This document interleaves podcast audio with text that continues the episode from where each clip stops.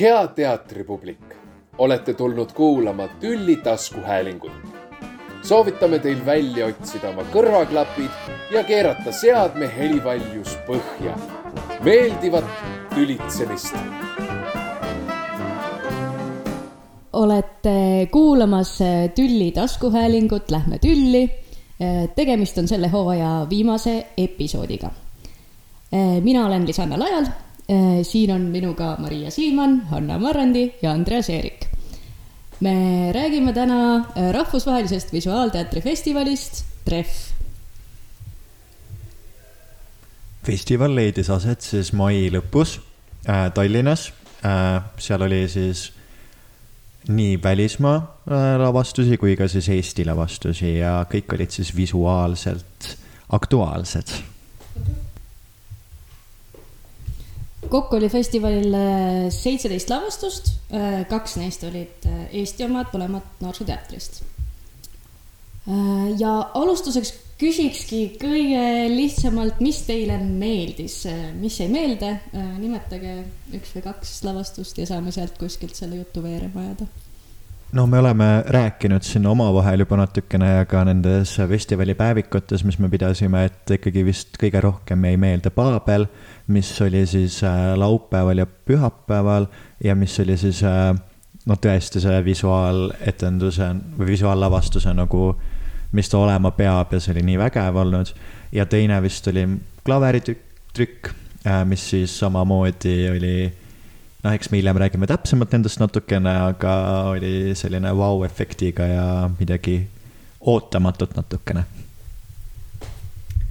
Ja ma olen Andreasega nõus, et need olid väga isikupärased lavastused mõlemad, aga mulle meeldisid lisaks ka siis Noorsooteatri Suure Teatri, Suure Saali, vabandust, Noorsooteatri Suure Saali lavastused Bruce Marie ja Kajakas, mis mõlemad olid õhtutel viimased etendused ja mõjusid nagu väga eh, mastaapselt, niisiis käsitletavate teemade kui, kui valitud väljendusvahendite poolest, et eh, visuaalteatri puhul äh, nukkude jälgimine on hästi huvitav minu jaoks, kuna nukuteatrisse väga sageli ei satu. ja nendes mõlemas lavastuses olid siis suured sellised hea emotsiooniga ja tõetruud nukud kasutusel. Ma läheks siis natukene teises suunas, räägiks, mis mulle päriselt kõige rohkem meelde jäi või emotsiooni tekitas ja see oli kindlasti kloonifoobia. sellepärast, et no peale seda tükki ma pidin toolil istuma kaks minutit mõtlema üldse, mis just toimus. kindlasti tekitas kõige tugevama emotsiooni ja see oli üldse selline kaootiline, kaootiline etendus. ja äh, mulle jäi üllatuslikult ka meelde kuidagi praegu tagasi vaadates sellele äh, klaveritükk. ja üks asi, mis on veel nimetamata, aga millest me pärast etendust Andresega rääkisime, et no see nüüd oli kindlasti visuaalteater, oli seanss, ähm, mis siis oli mingi kakskümmend minutit äkki. Äh, ja siis põhiliselt äh, oli tegemist seal valgusshow'ga äh,, mille ajal siis etendaja pimeduses äh, vahetas poose ja nende pooside kaudu tuli meieni mingi atmosfäär, peaaegu et lugu ja veidi oli siis äh, enne ja pärast teksti ka.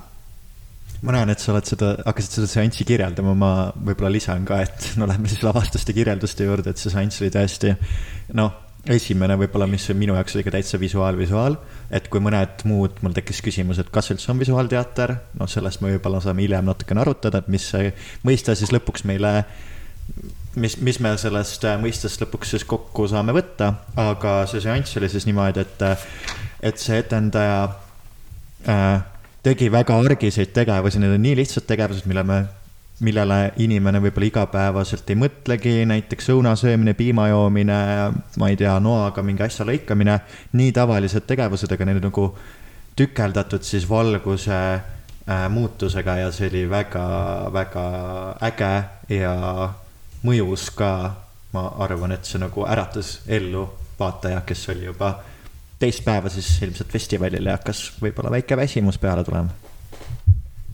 äh,. aga aga sa nimetasid ka Paabelit, mis sul selle juures meeldis või miks see silma jäi? ma küll ei kirjutanud Paabelist, et Maria kindlasti tahab rääkida sellest pikemalt, ma loodan, aga Paabel jäi ikkagi meelde sellega, et kõike oli parajalt kasutatud äh,, väga professionaalselt üles ehitatud. eriti äge oli see, et pärast lavastust oli võimalik lava taha vaadata ja näha, kuidas siis tegelikult video projektsioonide tegemine ja nende monteerimine käib ja kuidas see siis reaalajas nagu, mis vahenditega seda tehakse. kuidas Mariale? no Paabel oli mul kindlasti lemmik, peale etendust äh, ma pidin minema rääkima ka selle mehega, kes laval oli siis. sellepärast, et need installatsioonid, mis seal olid, ausalt umbes kakskümmend pisikest äh,, kuidas ma ütlen, elukeskkonda tekitatud, korterid, pargid, kontoriruumid, ükskõik mida ette saab kujutada ja siis mõtlesin, et äh, tahaks tõesti teada, kaua selle kõigega aega läks. ja no kuni kaks aastat see mees ütles, et ta valmistas seda ideest lavani. Ja tõesti, ma usun, usun ka seda sellepärast, et, tõesti märkimisväärsed installatsioonid olid ja detailid ja pühendumus. mulle väga jäi südamesse see Paabel. ma siis täpsustan nendele, kes lavastust ei ole Jaa. näinud, et need olid sellised nagu hoonete ja parkide maketid mm. -hmm. mis siis asetati mingile poodiumile, valgus äh, läks sinna peale ja siis need tehti äh, ekraanile video kaudu nagu suureks, nii et sa said lähedalt näha neid mingeid. ja laval oli, oli kolm kaamerat ja suur ekraan ja siis see mees ise vahetas ja näitas meile neid nii-öelda luubi all. ja tegelikult oli ju veel eh, kaks meest, kes tulid ka hiljem lavale, et eh, aitasid seda ellu viia. ja Paabel oli selles mõttes väga eriline, erines teistest lavastustest just oma nagu detaili külluse poolest, et kohati tekkis tõesti küsimus, kas tegu on üldse lavastusega või mingisuguse arhitektuurse maketi näitamisega. et see oli nagu hämmastav, kui palju sinna on ressurssi ja, ja aega ka panustatud ja kas te mäletate, Paablis oli huvitav muusika ka taustal, selline rahustav, ma praegu täpselt ei, detaile ei mäleta, aga midagi klassikalist vist, et see ka minu arust mängis palju kaasa, et seda kogeda just sellise kogemusena nagu, nagu ta oli lõpuks. Äh, ma võib-olla lisan jah, see muusika, ta päris klassikaline, ta pigem oli selline, ma arvan äh,, nüüdisaegne just mm, -hmm. et äh, selline mõnus sihuke nagu äh, meditatiivne, jah, instrumentaalne. aga rääkides nendest makettidest veel kord, siis äh, minul tekkis veel seos, et kuidas filmi tehakse või kuidas tehakse näiteks animatsioonfilme nukkudega äh,. kõik see tehakse sarnaste makettidega nagu, et kui väikesed tegelikult need maketid on ja kui nagu reaalne see filmis reaal- nagu hakkab olema. et kui täpselt need suhted kõik välja arvutatud on, et see on tõesti väga muljetavaldav. ja ma arvan, et äh, jah, et see Paabel tekitas minus neid seoseid ka. aga võib-olla lähme siit edasi. äkki Ja- võtame järgmiseks äh, selle, mis oli ka Kumus või on sul mingi muu plaan? võtame selle Kumu siis. Äh, elu väiksed imed siis näiteks, mis oli ka Kumus äh, aset leidnud äh, etendus. Paolo Nani teater ja Taanist. mis te arvate sellest? no kindlasti kõige südamlikum etendus, mis oli. ja mulle hästi meeldis see lahendus, et üks mees oli laval, ta istus laua taga ja terve lugu joonistus siis põhimõtteliselt sellega, et ta ise joonistas ja meie nägime suurelt ekraanilt, mida ta joonistas. nii et ta joonistused ei pruukinud isegi lõplikud olla, ta kustutas poole ära ja tegi sellest täiesti uue stseeni. ja see jäi silma hästi. ma isegi ei tea, mis selle kohta kosta. üks asi, mis seal märksõnana pähe tuli, oli äh, koroonaaeg ja koroonateater. kuigi see võis tulla lihtsalt ka sellest, et festivali olid valitud kuni kahe etendajaga lavastused, aga, aga no see oli lihtsalt isolatsiooni ol- olukord, milles see etendaja seal oli. ja no koroonateatrist rääkides veel, siis mul kohe meenub, ma kahjuks seda eelmist lavastust ise ei näinud, aga mina nägin küll Üksildust, mis on minu arvates selgelt nüüd selle koroonateatri või koroona temaatika sissetoomine, kus äh, inimesed on üksinda, nad ei oska omavahel kommunikeerida.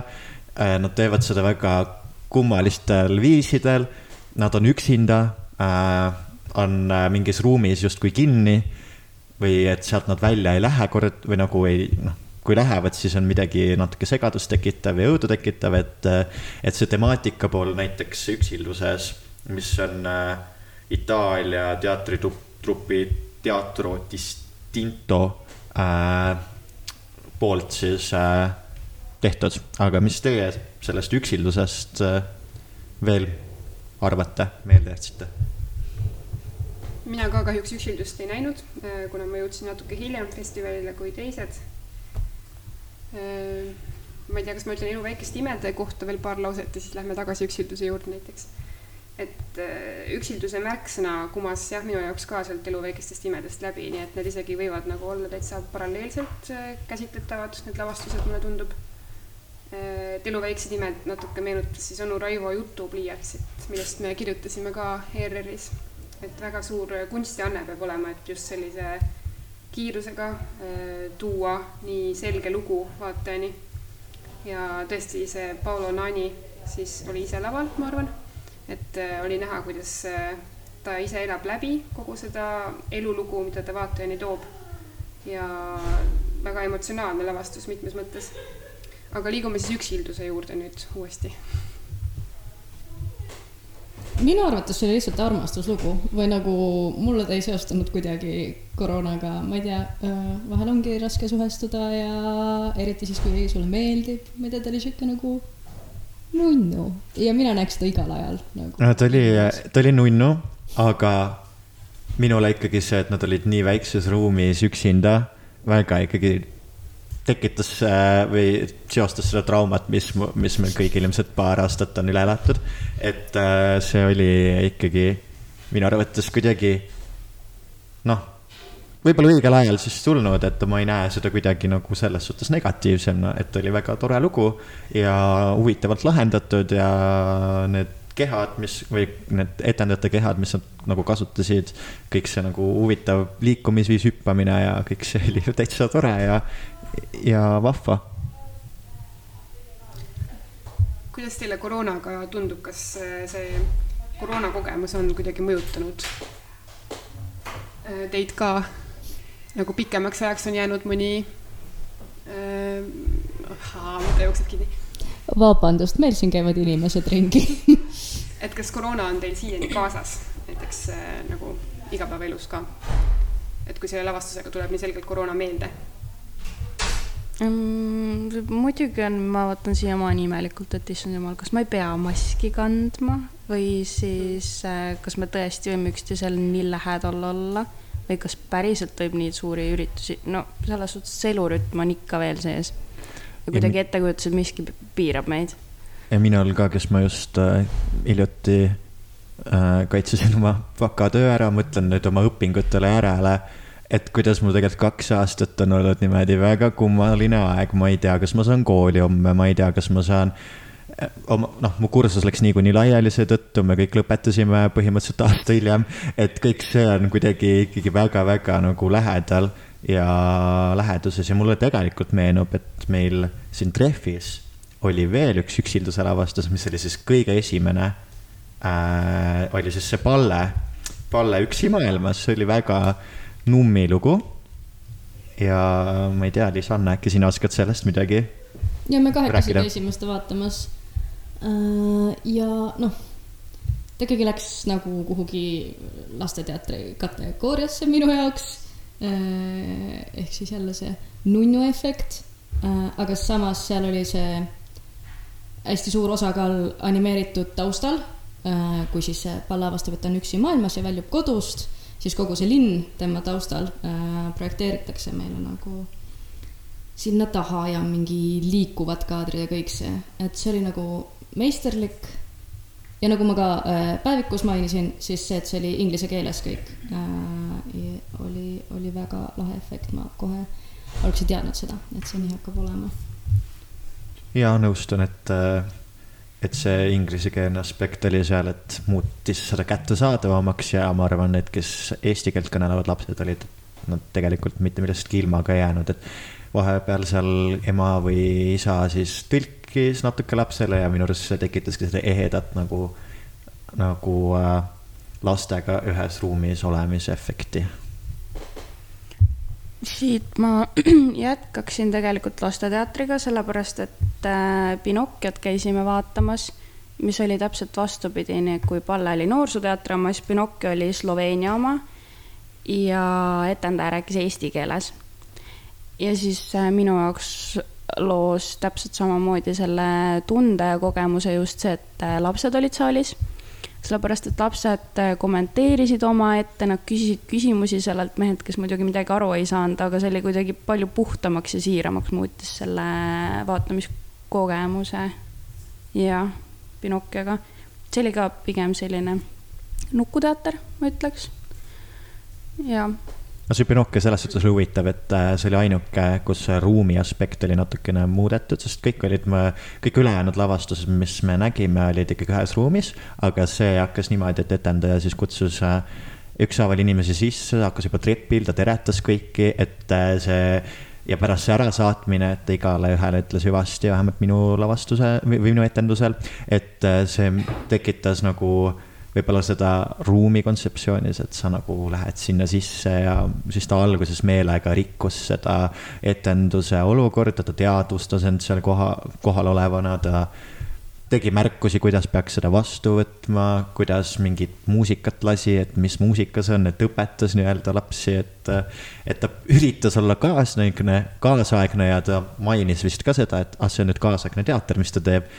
no ma ütlen, et selle ta oleks võinud mainimata jätta et see oli lihtsalt mingi iroonia teatritegijate või kriitikute või uurijate pihta, et, et äh, jah, et see nagu minu jaoks ei hakanud tööle, aga, aga saal jälle nae-, naeris eriti täiskasvanud.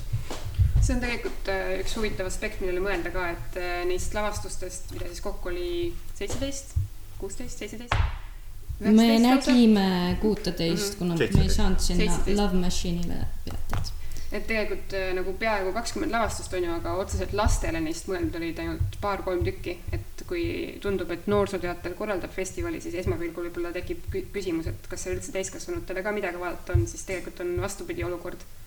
et äh, otseselt lastele suunatud ei ole üldse paljud neist lavastustest, mis on nagu edaspidi ka hea kõrva taha panna, et kui tahta visuaalteatrit näha, siis täitsa leiab äh, ka täiskasvanutele suunatud lavastusi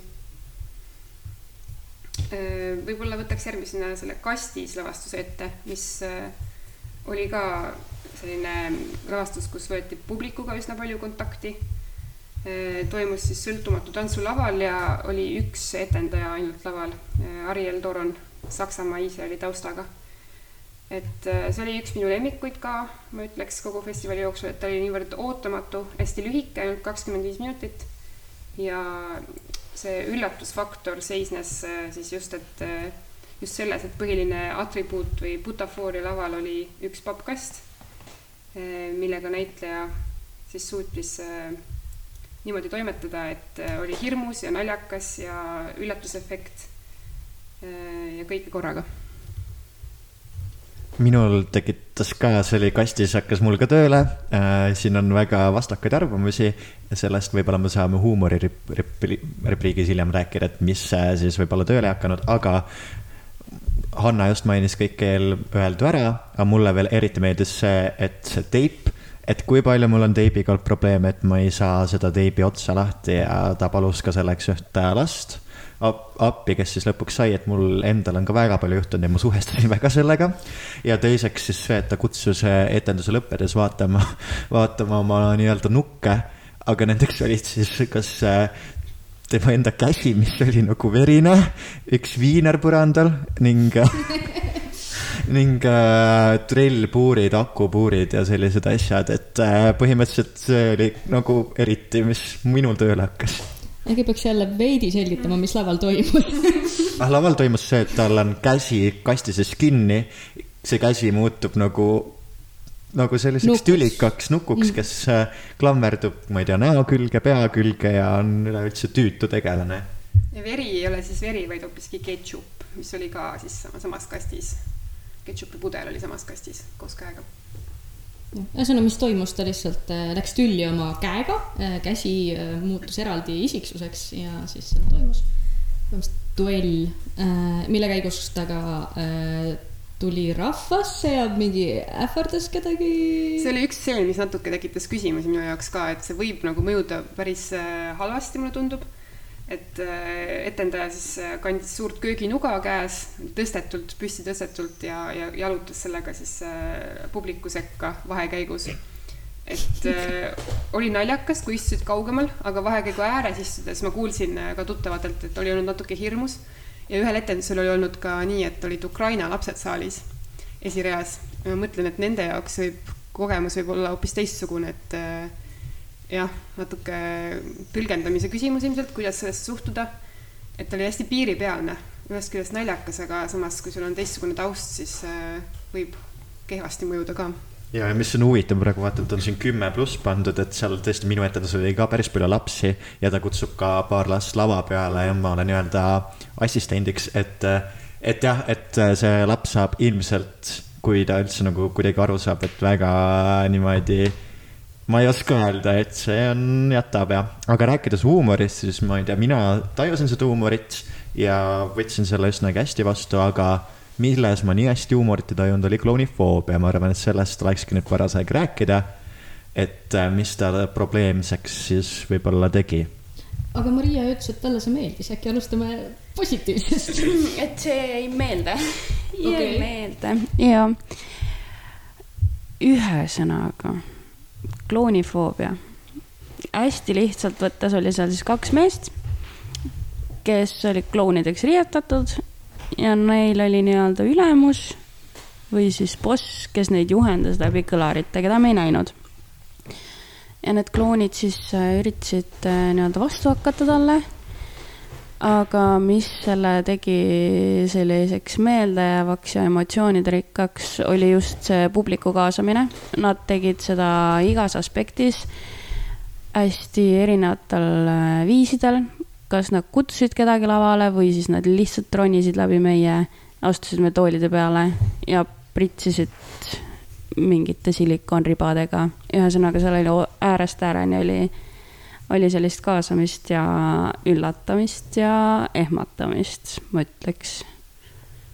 jah, seda üllatamist jätkus ka sellega, et lavastuse teises pooles äh, muutusid nad siis äh, nii-öelda üksteisest huvitatuks äh,. Nad võtsid äh, riidest lahti, nad suudlesid ja kõik, kogu, kõik see kokku minu arvates riivas siis äh, äh, LGBTQ äh, kommuuni äh,. et see nagu oli niimoodi, et see minu jaoks mõjus mitte, et see nagu ei olnud läbimõeldud ja see tuli nagu, ta tahtis olla kõike see lavastus, aga samas see oli too much ja arvestades seda, kuidas äh, auditoorium seda võttis, siis oli nagu selliseid pilke või selliseid vastikustunde pilke päris palju saalis. ja noh, ma ei tea, see pidavat, pidi huumor olema, ju siis oli. Mina taaskord seda kahjuks vaatama ei jõudnud, aga kuulsin, et oli ka olnud väga ere elamus kõigile, kes nägid üks šokeerivamaid asju festivalil. et äh, mul tekkis paralleel Forced Entertainmenti lavatöödega, kas te olete tuttavad nendega, on ka sihuke briti huumor, ka üsna kuiv ja mingis mõttes nagu tüütu. hästi palju mingeid kordusi ja noh, et ei mõju nagu tava, tavaliselt nagu tavalise huumorina, et kuidagi ärritab et võib-olla see lihtsalt ongi ka mingi briti teatri huumorilaadne asi, et see ongi selline stiil. vaadates seda, et see klounifoobia on siis ka Inglismaalt tulnud. ja ei, see tunne tekkis küll saalis, et neil on mingi teine arusaam sellest, kuidas teater toimib, mida seal peaks või peaks tegema. ja mis on huvitav ka, et tegelikult on ta juba kahe tuhande neljateistkümnenda aasta lavastus, kuskilt ma leidsin ja ta on mitu auhinda pälvinud ja publiku lemmikuteks olnud ja ka kriitikute lemmik olnud.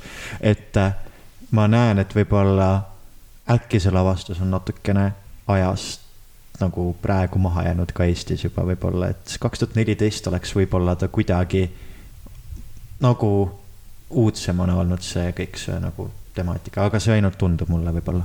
Ma hakkasin just vastupidi mõtlema, et äkki kaks tuhat neliteist ei olnud Eesti ühiskond veel piisavalt küps, et midagi sellist tuua lavale, et nüüd üheksa aastat hiljem on nagu, oleme sellises kohas, et me suudame ka vastu võtta ja keegi ei hakka märatsema saalis.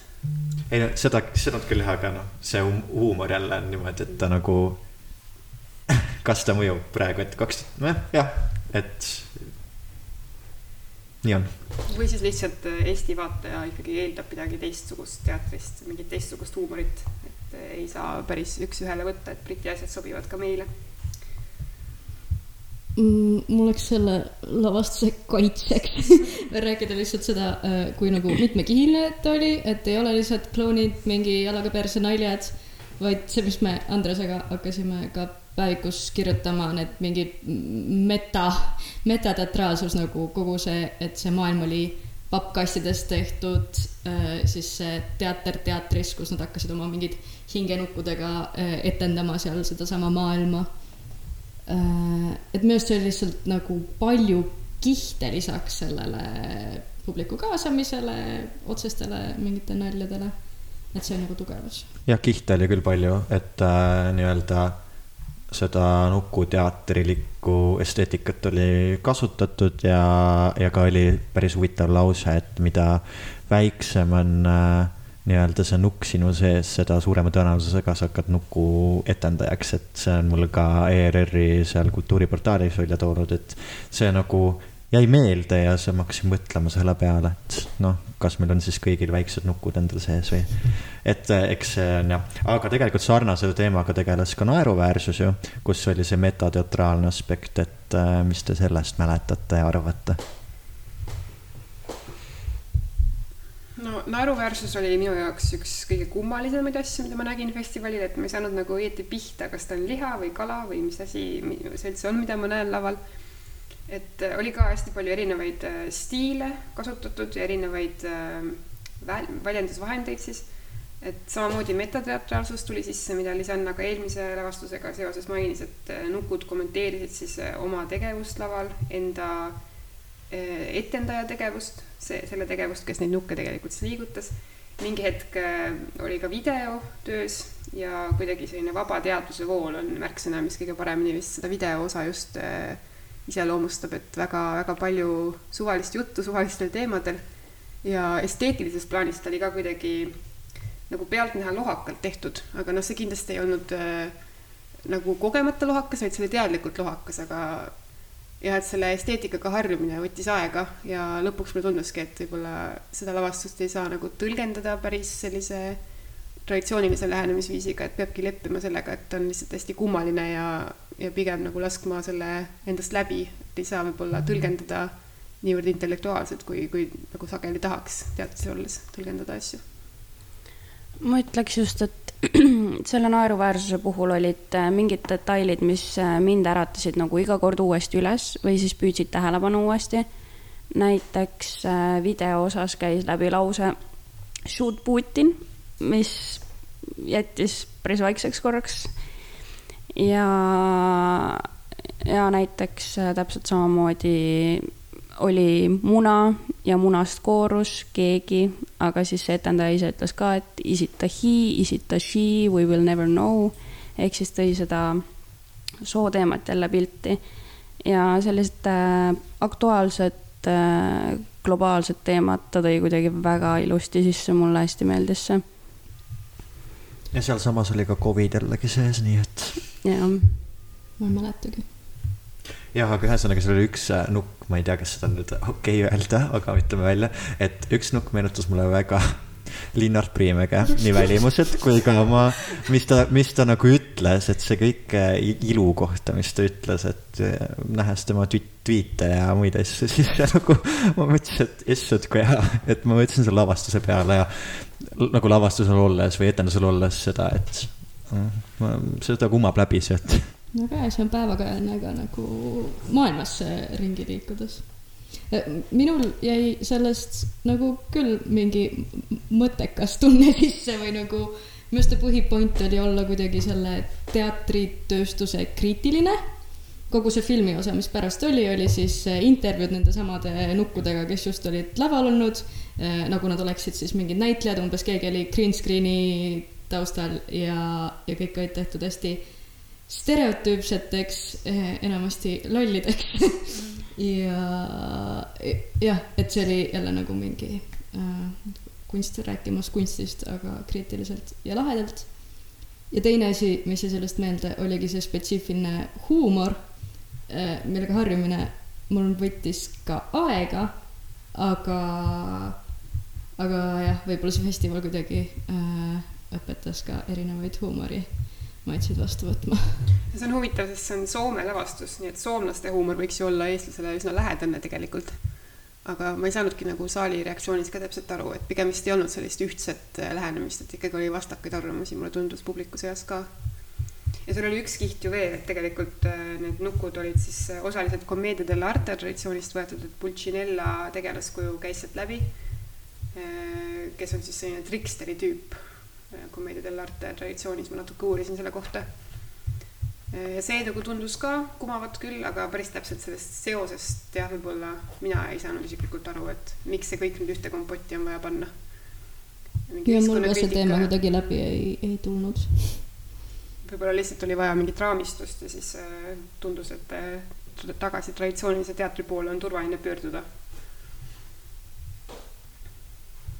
Aga rääkides tagasi traditsioonilise teatri poole, siis meil oli üks täitsa klassika tekstil põhinev lavastus, mis on siis Kajakas ja see on siis ilmselt, mis me võiks järgmisena natukene lahata, et seal on väga see teema või noh, mis minule meelde jäi, oli äh, nukuetende ja nuku vaheline kommunikatsioon, mis ei olnud ainult selle lavastuse teemaks, vaid ka mõne teise puhul.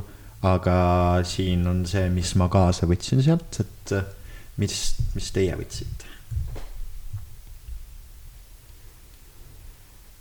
jah, hästi emotsionaalne lavastus oli, et see oli kõige esimene asi, mida ma nägin äh, sellel festivalil üsna ruttu, jõudsin Tallinnasse ja üsna ruttu pärast seda kohe jooksin äh, siis teatrisse ja kuidagi oleks vajanud võib-olla natuke suuremat eelhäälestust, kuna see oli selline hingestatud äh, tagasivaatav, melanhoolne äh, lavastus, et äh, humoorikas ka mingil määral, aga see huumor kuidagi oli nukker pigem, kumas nagu mingi teine emotsioon sealt ikkagi peamiselt läbi. mulle meeldis, et ta võttis klassika aluseks, et seda ka väga sageli ei näe, mulle tundub, Nuku teatris, võib-olla see on nüüd natuke karm üldistus, aga vähemalt selles Nuku teatris, mida mina olen näinud. Äh, ja temaatika oli ka põnev, et äh, siis vananeva näitlejanna selline viimane luigelaul, kus ta siis mängis korraga kajakat, kajaka tegelaskuju, mitte siis kajakat ennast, aga siiski kajaka näidendist äh, üht tegelaskuju. ja vahepeal siis tuli Hamleti näidend ka sinna sisse, et ta oli kajaka sees ka mitu tegelast, Niina ja, ja. Katina ja ma ei tea, siis tal vahepeal tekkis seal veel mingi teine nukk kõrvale ühesõnaga isiksuse lõhenemine siis. Ja jah, suhe näitleja ja nuku vahel on kindlasti väga hea märksõna ka sellest, mida kaasa võtta. kuidagi mõjus hästi nagu siiralt, soojalt mulle, et äh, ma usun, et see on väga ka hea, hea pärl tegelikult, mida festivalist kaasa võtta.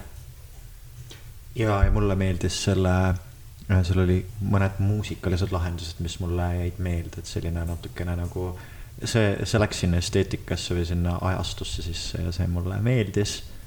et äh, see muusikaline osa seal. Ja pluss ka see nukk nägi minu arust nii äge välja, et ta oli nagu parajalt, vot see oli sihuke humoorikas, aga samas ta oli ikka nagu see, et mõtled mõne nagu vananeva näitleja peale ja et nagu, et see nagu teema oli tuttav minu jaoks, ma arvan no nukkudega ja isiksuse lõhestumisega ma saaks täpselt Bruce Mariga edasi minna, sest et no seal oligi üks mees laval, kes äh, etendaski siis äh, lõhestunud isiksusega koristajat, kes oli vabal ajal drag queen. ja siis ta töötas laboris ja, ja nukk oli siis äh, üks ahv seal laboris ja siis äh, terve see näidend käiski nuku ümber ja kiibi ümber, mis nukul peas oli ja selle mehe enda kahe isiksuse, Bruce'i ja Marie siis vestlused. mul selle lavastusega on natukene vastaka suhe, et ma noh, olen kuulnud, et see on nii-öelda ülivõrdus võrreldud ja et see on äh, selle festivali noh, kõige suurem teos, mida peaks kindlasti nägema. või noh, osad on nagu äh, vähemalt niimoodi mainitud sellisel ajal ka, et vot viimane, viimane etendus äh, festivalil. aga mis mul natukene kuidagi, noh, see kõik see temaatika, kõik on huvitav, onju, aga natuke jäi kaugeks ja pluss mul oli see lavakujunduse osas, need ajud, mis seal rippusid, olid väga ägedad aga ma täiega ootasin, et nende, nendega midagi juhtub või mingi visuaalne dominant tuleb sinna juurde, sest et minu arust antud hetkel oli see pigem just ikkagi jällegi selline sõnaline vestlus ja, ja see teema oli palju olulisem kui kogu see visuaalne taust ja visuaalne osa sealjuures või mis teie arvate? räägin vastu.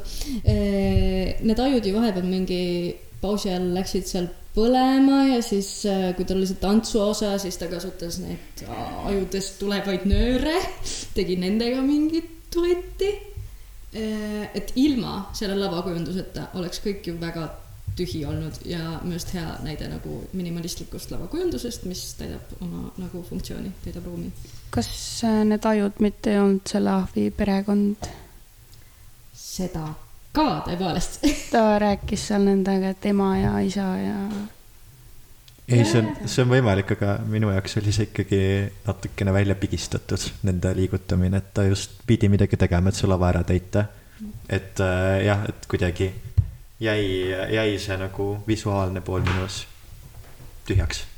aga tugev sümbol igal juhul, et tekitas nagu mõtteid küll ja tegelikult hiljem, kui õnnestus siis minna lavale vaatama, lähemalt tutvuma nuku ja üldse lavakujundusega, siis äh, märkasime, et need ajud on poroloonist tehtud ja aju struktuur on siis loodud äh, punase vildikaga näiteks suuresti, et tegelikult hästi lihtsate vahenditega on hästi mõjus lavakujundus loodud, et kaugelt tõesti nagu paistsid täiesti realistlike ajudena ja mis selle lavastuse puhul veel oli oluline, et ta nagu minu arust võttis päris palju selliseid suuri teemasid vaatluse alla, mida mujalt eh, lavastustest ei tulnud läbi, et näiteks see transhumanismi teema, mida siis ka kodulehel mainiti, et eh, inimese ja looduse suhe ja selline üha süvenev, süvenev tehnika osakaal meie elus, et kas saab eh, panna inim-, inimestele kiipe sisse. et see oli selle nagu sügavam äh, tähendus, et see kiip siis, mis oli ahvinukul sees, pidi talle vist andma mingeid erilisi võimeid, kuidagi tegema kõik võimalikuks, mida ta soovis. Ja siis see mõte oli selles, et neid kiipe esialgu pannakse katseloomadele, aga tulevikus saab ka hakata inimestele paigaldama, et see tegelikult on ju täiesti realistlik mõte, mida sealt kaasa võtta, et me ei, me ei tea, kuhu maailm tüürib, et võib-olla mõne aasta pärast oleme päriselt selliste teemadega kimpus, nii et selles mõttes äh, huvitava, hästi julge teemakäsitlusega lavastus. täiesti nõus. Äh, üks asi, mis mulle seal veel meeldis, mida ma juba korra mainisin, oli äh, see tantsimine. Äh, nagu väga oskuslik, väga ilus varbasirutus, kõik see, et muidu oli tunne mingil esimesel paaril päeval vist, et tantsuteatrit ei ole üldse kaasatud. aga seal oli tantsimist ja siis, mida ma kõige alguses mainisin äh,, klaveritükk äh,. ka nagu äh, etenduse selle kavalehe kirjeldusest ei tulnud seda välja, aga, aga pärast selgus, et see etendaja siis äh, tantsija ka. kas teil oli veel Bruce Marie kohta midagi öelda, muidu ma tahaks klaveritükist rääkida? võib-olla Bruce Marie kohta ma mainiks selle, et mulle meeldis, et see drag queen indus, drag queen indus ei olnud siis äh, nagu keskmes, et see oli kuidagi lihtsalt mainitud seal lavastuses ka, aga ta ei olnud nagu mingisugune suur asi, millest peaks nagu tegema suure numbri. et äh, lihtsalt niimoodi foonil ära mainida, see on, ma arvan, väga värskendav, et ei pea neid selliseid soolisuse teemasid võtma kui nagu nii tohutult keeruliste teemadena, et see võib lihtsalt olla mingi kõrvalliin lavastuses, mis tegeleb muude teemadega ka, et see mõjub, ma arvan, Eesti kontekstis nagu päris värskendavalt jälle jaa, see oli väga lahe, et lihtsalt oli see tegelane ja me enam ei pannud küsimärgi alla nagu. just, jaa, täpselt. jaa, aga too klaveritükk äh, hästi äh, kuidagi mm, mm, mm, mm, muutev kogemus oli see minu jaoks, kuna kirjelduse järgi ta tundus mulle kuidagi stereotüüpne kaasaegse etenduskunsti lavastus. Äh, tuled lõhud mingi asja ära, võib-olla teed sellest midagi veel. Äh, aga kui ma järele hakkasin mõtlema, siis tema teostus oli nagu lahe ja, ja mingi hästi puhas tunnetus jäi sellest. et see oli nagu tõesti iga liigutus läbimõeldud, viimistletud, isegi mingi äh, tagasivaatav pilk oli nagu fikseeritud. ei olnud ühtegi liikumist nagu mitut liikumist korraga, viid ühe liikumise lõpuni, alustad teisega. ühesõnaga, mis ta seal tegi siis oli, et ta äh, kohe algusest peale hakkas ühte klaverit demonteerima ja siis tegi sellest lõpuks mingi installatsiooni. minule see installatsioon meenutas, et äh, andis sellele installatsioonile elu ka siis, sest et ta nägi minu jaoks väga välja nagu Käsna Kalle. nagu minu jaoks ta oli veits nagu mingi Trooja hobune, sest tal oli pea seal üleval minu arust. nojah, või mingi, mingi olend, et äh, aga see olend oli niimoodi, et see oli niimoodi äh, väga kahtlaselt seisis, et sa nagu nägid, et ta kõikus äh,. etendja ilmselgelt on seda väga palju harjutanud, tema jaoks oli asi kindel, aga vaataja jaoks, kes näeb seda esimest korda, on niimoodi, et no kas see nüüd kukub, kas ei kuku, kas sealt midagi läheb katki, et see nagu pinge oli õhus ja, ja ma arvan, et see oli väga selline vahva, vahva tunne, aga samas ka selline, okei okay,, ma tahan juba seda lavastuse lõppu, et ma tahan, et ta sellest nagu vaevast saaks lahti. ja ärevus, ärevushäirega vaatajal oli seda väga hull kogeda, ma arvan. selle lavastuse puhul mul tekkis kõige rohkem äh, festivali lavastuste osas küsimus, et kas see ikka on teater ja mida see on praegu, mida ma laval näen. Et võib-olla objektiteater on jah, see on õige sõna, ma mäletan, me vist Lisannaga ka arutasime, et mis, mis asi see nüüd siis oli ma panin kirja objekti tantsuteater, mm. -hmm. sest mulle oli nii oluline tema see kehakool. või installatiivne teater, kui selline mõiste eksisteerib, et installatsioon, mulle tundus, on ikkagi ka üsna täpne sõna selle kohta, et võib-olla installatsioon liikumises, kuna see kogu aeg muutus lavastuse käigus, see, mida ta seal ehitas ja tegi nagu klaverist ühe installatsiooni valmis, siis jälle hakkas seda muutma teiseks. Et midagi sellist, ma ei tea, Eesti teatris ma vist ei olegi nagu näinud, praegu kohe ei tule meelde küll. Saksamaa tükiga oli siis tegemist. Võtsid sõnatuks, ma hakkasin ka ei- mõtlema, et kas see on teater, mis sa nüüd või noh, käib see mõte läbi, aga ma, ma ei julge midagi väita siin. minu arust oleks väga kenasti objekti teatri kategooriasse, kuna mingi objekt tavaelust, mida kasutad tavatus olukorras, okei okay,, tal ei, ta ei saanud seal väga palju just erinevaid funktsioone, et korra kasutas teistmoodi pilli mängimiseks ja siis oligi installatsioon või ma ei tea, koht istumiseks. jah, kui pealkirja peale mõelda, mis siis ongi klaveritükk, siis mul algusest peale oli nagu eelootus, et ta hakkab seda mingi hetk ka mängima, seda klaverit, aga seda Mhm. tegelikult ju ei juhtunud klassikalises võtmes. ja ma kuulsin ka hiljem, et ta oli tegelikult äh, palunud, et äh, see klaver oleks hääles. et äh, ma ei saagi nüüd siis aru. okei ei, ta ju mängis Ta nagu mängis-, kui see oli tal juba pooleldi lahti võetud. okay,, aga kas oli hääles? no. ma ütleks, et, et pigem oli, ma just, ma, ma nagu väga täpselt seda ei salvestanud, aga noh, ma olen muusikat õppinud ja mul hakkab kohe nagu kõrva, kui ei ole hääles või kui on mingi dissonants kuskil. no siis läks hästi, aga jah, põhiline osa ikkagi ei olnud see muusika mängimine, vaid siis see ehitamine pigem. klaveri kui ehitusklotsi, ehitusklotside kasutamine. Äh, et kui me alustasime siis lemmiklavastustest, siis need on nüüd lõpuks kõik läbi käidud ja veel päris mitu lavastust veel. Aga üks, mida me minu arust ei ole nimetanud, on Maja, mida me käisime Mariaga vaatamas.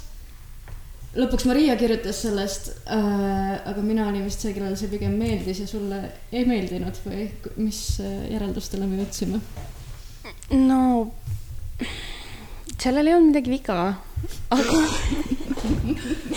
aga nad kerisid pinge liiga üles ja mitte mingit pingevabastust või langust või vau-efekti ei tulnudki. ühesõnaga, see oli siis niimoodi, et me istusime Lisannaga kõige-kõige ees ja siis äh, naine, näitleja tuli Lisanna juurde ja siis ta ütles, et sa istud surmatoolil ja see kolmnurk ja sinuga juhtub siin midagi, ühesõnaga keris pinget üles küsis, et mul südamehäireid ei oleks. Jaa. nagu läheb intensiivseks. Ja siis see läinudki intensiivseks. ja see- mitte midagi. temaga ei juhtunud mitte, mind jäi see, mitte see, et sinuga ei juhtunud midagi, aga ühesõnaga mind jäi väga häirima, et sealt ei tulnudki mitte midagi, sellepärast et äh, minu jaoks oli see lavastuse põhikomponent. enne lavastuse algust juba ma jäin terveks ajaks ootama, et midagi juhtuks. ja seda ei juhtunud. aga kas ta ütles, et see midagi peab juhtuma lavastuse ajal, etenduse ajal? See... Well, nagu see, kus me koos olime, kedagi ei huvita, mis pärast jaa. no ma siis ootan veel seda hetke. aga sa võid siis võib-olla sisust.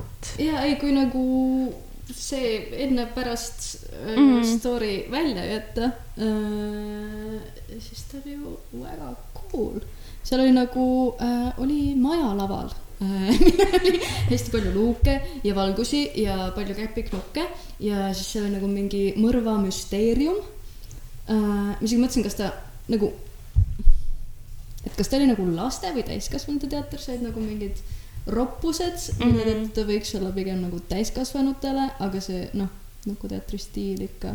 ühesõnaga midagi nagu lapselikku seal oli minu jaoks. Pluss mingi äh, nostalgia sellest, et mul oli väiksena mingi äh, äh, nukuraamat äh,, mille sa nagu tõmbasid lahti ja siis sul tuli nagu paberist printsessi loss läks nagu kolmedimensiooniliseks, sa said seal mängida. see tuli mulle pähe nagu, et jah nukud tekitavad mingit lapsepõlve nostalgiat. ühesõnaga äh,, mõrvamüsteerium äh,, ihned äh,, inimesed. jaa, no see maja iseenesest oli matusebüroo, mis lisas seda süngust siis juurde. Aga see pidev pingestatus äh,, lähme siit järgmise lavastuse juurde, mis on siis, tuleme Eestisse tagasi, lähme Sineli juurde, et äh, ma olen seda nüüd kaks korda näinud, korra nägin Draamafestivalil Tartus Kammivabriku saalis ja siis nägin äh, selles samas äh, noorsooteatris. ja need kaks kogemust olid täiesti erinevad. või noh, kogemused nii visuaalselt kui ka loo vastuvõtu mõttes. mulle väga palju rohkem oli sümpaatne see, mis oli Kammivabrikus. ja mitte nii sümpaatne oli siis siin noorsooteatris.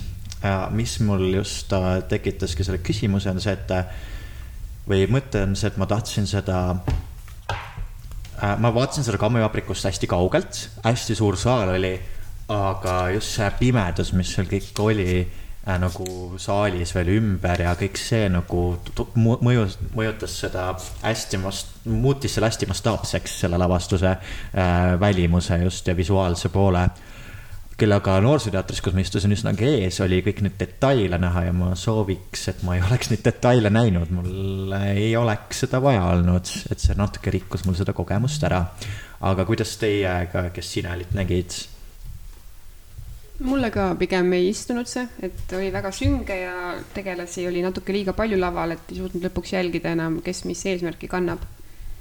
ma vaatan praegu, et ta on esietendanud äh, kümnendal aprillil eelmisel aastal, nii et äh, ma ei tea, kas ta juba oli enne Ukraina sõja algust siis äh, kavas seda teha, ilmselt ikka, aga ta kuidagi ajaliselt nagu sobitub hästi sellesse sõja alguse õudu, et see, mis lavalt paistis, see oli ka selline hästi sünge ja tume ja kuidagi tekitas nagu ärevust äh, tuleva, tuleva ees ja mõjus äh, jah, nagu sõjaga haakus minu jaoks just üsna hästi et äh, pigem ei soovita lapsega vaatama minna, ikkagi ka täiskasvanute tükk, mulle tundus. ja ma olen nõus ja pluss tegelikult temaatika, et ta on Korki on ju, ei yeah,, on Koogoli tähendab, vabandust, Koogoli sinel ja ta on siis tegelikult tehtud ju kirjandusteosest selline interpretatsioon, kus, kui sa teose sisu ei tea, siis tegelikult see sealt ei tule välja väga, et pigem on üsna segane äh,. tegelased nagu vahetuvad hästi tihti, situatsioonid vahetuvad, seal mingid kindlad äh, sümbolid on, mis äh, suurenevad, vähenevad ja kõik on hästi-hästi võimas kogu aeg, et sa nagu ka see, et see pinge ei keri nagu edasi, sa oled nagu ühe koha peal tammud.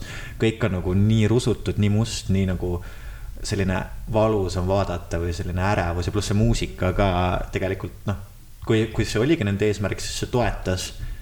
aga noh, jah.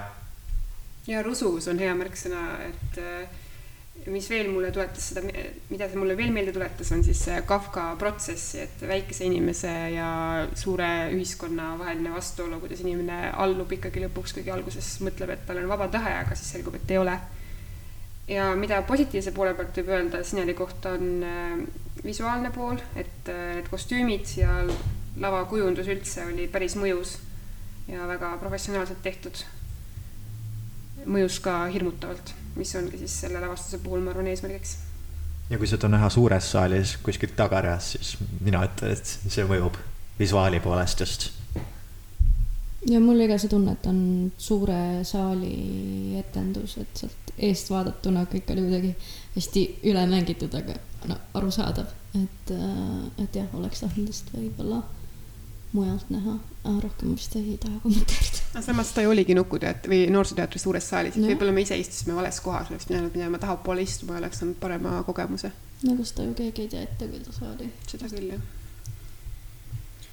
aga meil on vist kõik lavastused kui sellised nüüd analüüsitud või, või natuke räägitud, et me seda siis üht lavastust keegi ei näinud.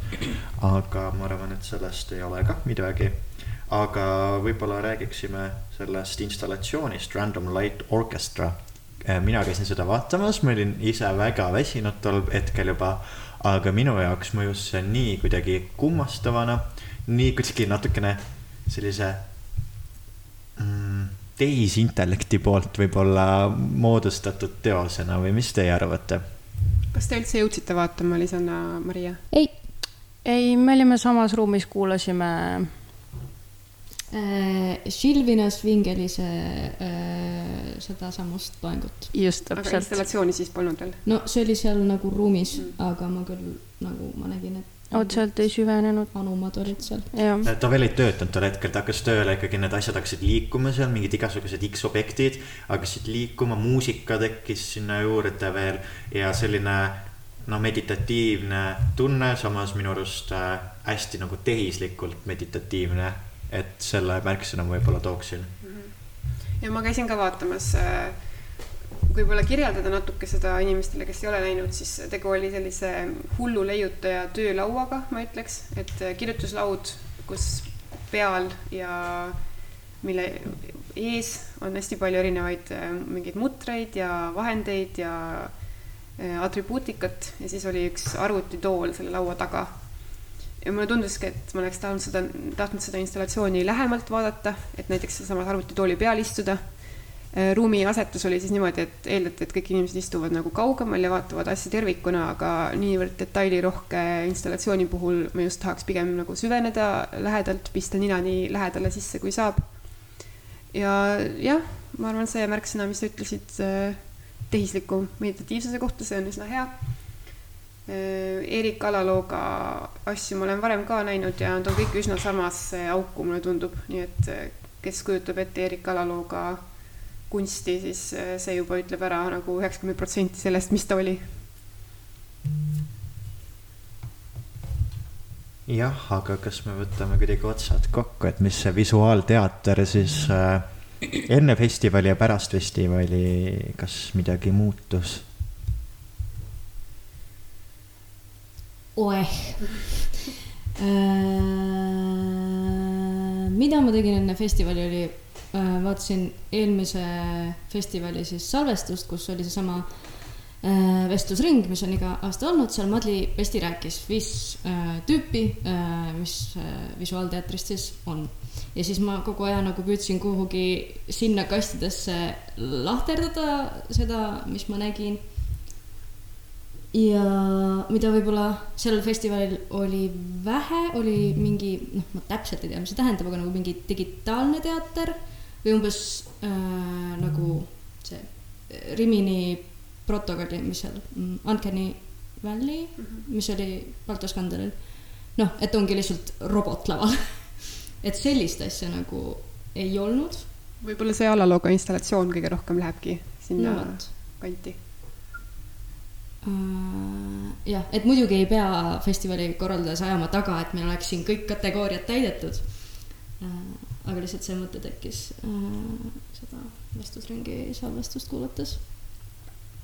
no minul juhtus terminiga niimoodi, et kui ma alguses arvasin, et visuaalteater siis nagu noh, ma ei tea, vähendab sõna ja kõik seda narratiivsust ja kõike seda, siis selles ma eksisin, sest et päris mitmed lavastused olid sõnarohked, dialoogirohked ja ka narratiivsus oli üsnagi selgesti tuntav ja mina sain aru, et äh, mulle ikkagi meeldib teatris lugu, et visuaal on ka oluline, aga ma ikkagi eeldan, et oleks mingisugune narratiiv, mida ma suudan jälgida. et õnneks seda enamust, enamike lavastuste puhul ka oli võimalik teha. ja minu jaoks kõige mõjusamad olid need äh, lavastused, kus olid suured äh, siis teatrinukud laval, et visuaalteatrile mõeldes ma vist ikkagi eeldaks mingit taolist asja, nii et äh, võib-olla isegi oleks lootnud rohkem näha selliseid suuri ilmekaid emotsioonirohkeid nukke nagu Bruce Maurice ja Kajakas olid. aga jah, hea mõte, mida kaasa võtta, on arusaam, et visuaalteater võib tähendada väga erinevaid asju. Äh, ja ma arvan, et äh, on tore tegelikult, et festival nagu leiab endale nii erinevaid lavastusi programmi ja avardabki sellega inimeste mõtlemist ja maailmapilti ka ja see mõte ka muidugi, et visuaalteater ei ole sugugi ainult nukuteater, et ei ole ainult lastele mõeldud, vaid tõesti igas vanuses vaatajale. ma võib-olla ütleks, et äh, minu jaoks kõige, kõige parema elamuse efekti lõi just see kontseptsioon, et äh, laval ei ole üle kahe inimese terve festivali vältel. ehk siis äh, minu jaoks lõi iga kord uut elamust see, et issand, ta on üksinda laval ja ta täidab selle lava ära, ükskõik kui suur see lava oli või siis kahekesi või siis koos nukuga. aga lava oli minu jaoks alati täidetud ja väga hästi täidetud. ja see oli kuidagi selline meeldejääv ja efekti loov. kas me teame, mis selle otsuse taga oli, et ainult kaks etendajat korraga laval? ei tea. ei, mida ma vist kuulsin, on see, et noh, festival lükkus edasi, ehk siis paljud lavastused olid juba varem paigas, et nüüd, kui päriselt toimuma hakkas, siis neil ei olnud väga palju enam mm -hmm. muuta või midagi. aga ilmselt neil sai see nagu teemaks juba varem valitud, et ongi no, vähe etendajaid laval. see võibki olla siis ühine teema selleaastase trehvi puhul, et me vist ei suutnud leida mingisugust temaatilist eh, sarnasust kõigi lavastuste vahel, aga siis vähemalt see etendajate arv ühendab kõiki lavastusi jah, aga ma arvan, et sellega on meil trehv äh, ära analüüsitud ja sellega on siis väga palju on kindlasti veel mõtteid, mida me äkki nagu endale jätame ja kahe aasta pärast uuesti äh, on trehv, et siis kindlasti huvilistel proovida, kajastada, vaadata. et see on kindlasti värskendav kogemus. ilusat suve. ärge suvel, suvel suvel teatrisse minge